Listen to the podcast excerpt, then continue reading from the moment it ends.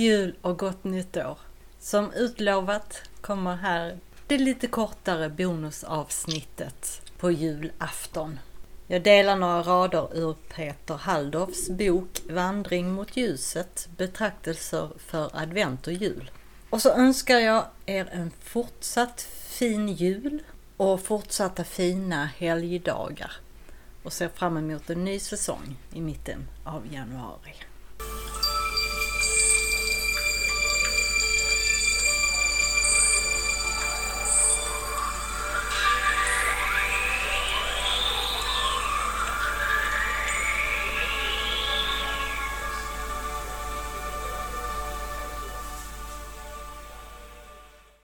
Jesus blir allt det vi är för att vi ska bli allt det han är. Julen är den tid när vi anar storheten i att vara människa.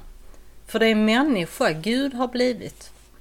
I födelsegrottan ser Gud i det nyfödda barnet och människa på varandra och känner igen varandra. Julen klargör på vilket sätt det kristna livet har sin förebild i Jesu liv. Det förebildliga har inget med moralisk imitation att göra. Det ligger betydligt djupare. Så som anden var verksam i Jesu liv är anden närvarande i lärjungens liv. Därför är redan Jesu födelse en bild av vår andliga födelse. Helig ande ska komma över dig. Därför ska barnet kallas heligt och Guds son, fick Maria höra. Genom anden föds Jesus av jungfrun från Nasaret. Genom anden föds Kristus i människans hjärta. Paulus sätter ord på denna andra inkarnation när han utbrister Kristus i er. Guds födelse i människohjärtat är ett lika stort mirakel som Guds födelse i Betlehem. Gud blir ett människobarn, människan blir ett Guds barn. Två födelser genom den heliga anden. Vad Jesus är av naturen, Guds son, blir människan genom nåden. Guds söner och döttrar. Vi får som gåva det barnaskap som gör oss delaktiga av gudomlig natur. Vad är det vi delar med Jesus? Inget mindre än hans barnaskap hos Fadern. Ty i bredd med Jesus det mig ställer ger mig rätt till samma arv som han, sjunger poeten Lina Sandell. Min fader och er fader, säger Jesus. Och Paulus tillägger, men är vi barn, då är vi också arvingar, Guds arvingar och Kristi medarvingar. Och Lina Sandell fortsätter. Är det sant att Jesus är min broder? Är det sant att arvet hör mig till?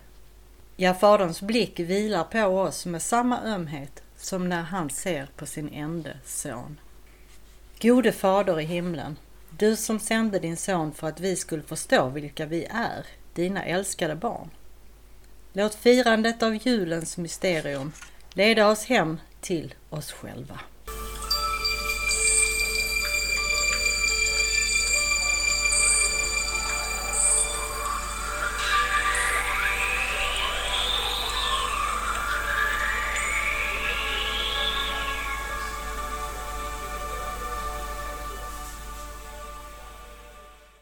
Herrens härlighet lyste omkring dem. Jungfrun har fött, ljuset växer, ropade den unga kyrkans kristna på julnatten. I evangeliet om herdarna utanför Betlehem hörde man på nytt orden Herrens härlighet lyste omkring dem. Hur kunde natten lysa som dagen? Barnet som fötts var soluppgången från höjden som kommit för att lysa över den som sitter i dödens skugga. Marias son var ljus av ljus, född i vårt mörker för att bli vår broder. Tidpunkten för firandet av Kristi födelse har en innebörd utöver att vi vakar i julnatten. Från denna natt finns inget mörker som inte kan lysa som dagen. Från denna natt kan varje människas hjärta bli ett Betlehem där Kristus föds och där ljuset växer. Från denna natt är själva dödsskuggans dal en ljusets port. O ljusbringande natt, ljusare än varje dag, utbrister en okänd predikant i en julnattspredikan i Betlehem på 300-talet. Den ljusa natten i Betlehem, Kristi födelses natt, gör något med alla andra nätter. När ängeln säger till herdarna, var inte rädda. vet vi att det aldrig mer finns en natt att frukta. Vi kan berövas det mesta i den här världen, men aldrig Kristi ljus. Vi kan övermannas av mörker, men ljuset lyser i mörkret och mörkret har inte övervunnit det. Kristendomens gåva till världen är ljuset som uppfyller denna natt och alla andra nätter med glädje. Vad är Guds stora glädje?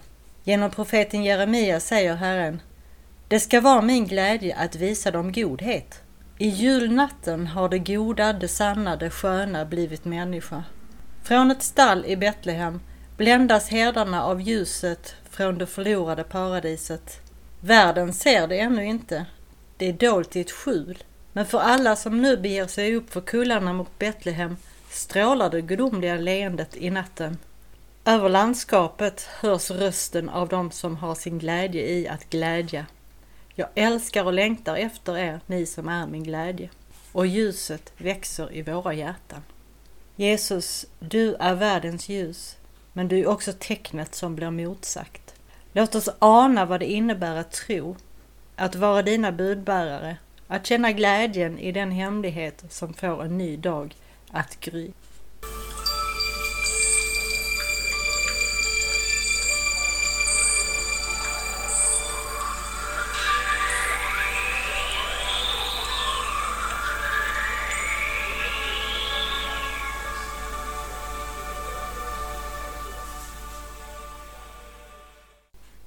Hon lindade honom och la honom i en krubba eftersom det inte fanns plats för dem inne i härberget. Jesu liv både börjar och slutar utanför staden, i två grottor. Krubban i berghålan utanför Betlehem förebådar klippgraven utanför Jerusalems stadsmur, där Jesu kropp skulle läggas efter korsfästelsen. I staden finns ingen plats för Jesus, vare sig för att födas eller att dö på. Orden om att det inte fanns plats för dem inne i härberget har sin motsvarighet i Johannes evangeliet. Han kom till det som var hans och hans egna tog inte emot honom. Att det inte fanns plats för Jesus på Betlehems stadshotell var ett tecken. Ingen skulle ändå ha noterat det. Alla var upptagna med sitt. Det fanns ingen plats för Gud och där det inte fanns plats för Gud finns inte heller någon plats för människan. Ingen plats att vila på i sitt eget hjärta. Inte för att det är fullt, utan för att det är tomt. Härberget har blivit en sinnebild för platslösheten och därmed den sista platsen i världen där Jesus kunde födas. Han som kommit till världen för att säga till människorna Jag går bort för att bereda plats för er. När Guds son föds i världen sker det i den stora stillheten bland herdar som framlever sina liv på landsbygden, oberörda av rykten och folksamlingar. Han föds bland det oansenliga folket, de fattiga, de marginaliserade, de föraktade, de maktlösa. De äger ingen plats i den här världen, men deras liv är den boning där Gud tar plats. Detta är julens omstörtande nyhet. För att vara hos dem för vilka ingen plats finns har Jesus kommit till världen. Hans plats är bland dem som inte passar in. De som saknar tillhörighet och ID-handlingar de som avvisas av Migrationsverket, de som förnekas mänskliga rättigheter, som negligeras och utrotas. Han är på ett hemlighetsfullt sätt närvarande hos dem för vilka ingen flyktväg finns, de som står utanför alla system. För de som inte äger något att glädjas åt i den här världen förkunnas den stora glädjen. I denna juletid minns vi värdshusvärden som ursäktade sig och sa Tyvärr, det finns ingen plats. Men du Jesus trotsade beskedet och trängde dig ändå in för att bereda plats för många fler. Förbarma dig över oss, så att vi ger plats så som du gjorde, också för dem som är annorlunda än vi.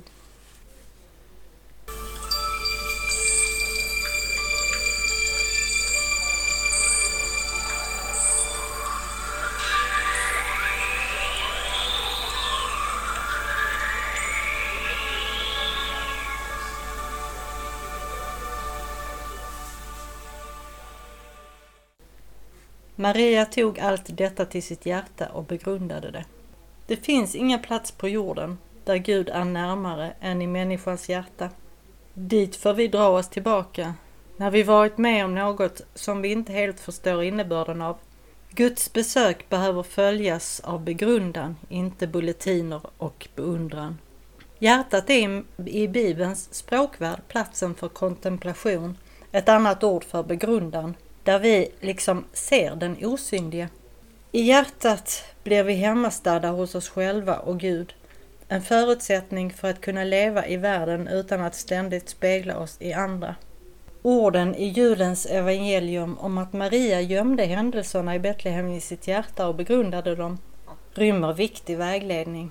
Maria drar en cirkel av tystnad omkring mysteriet.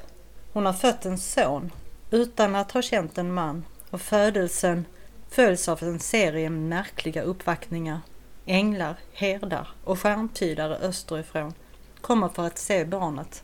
Maria anade intuitivt att alla försök till förklaringar riskerade att förskingra gåvan.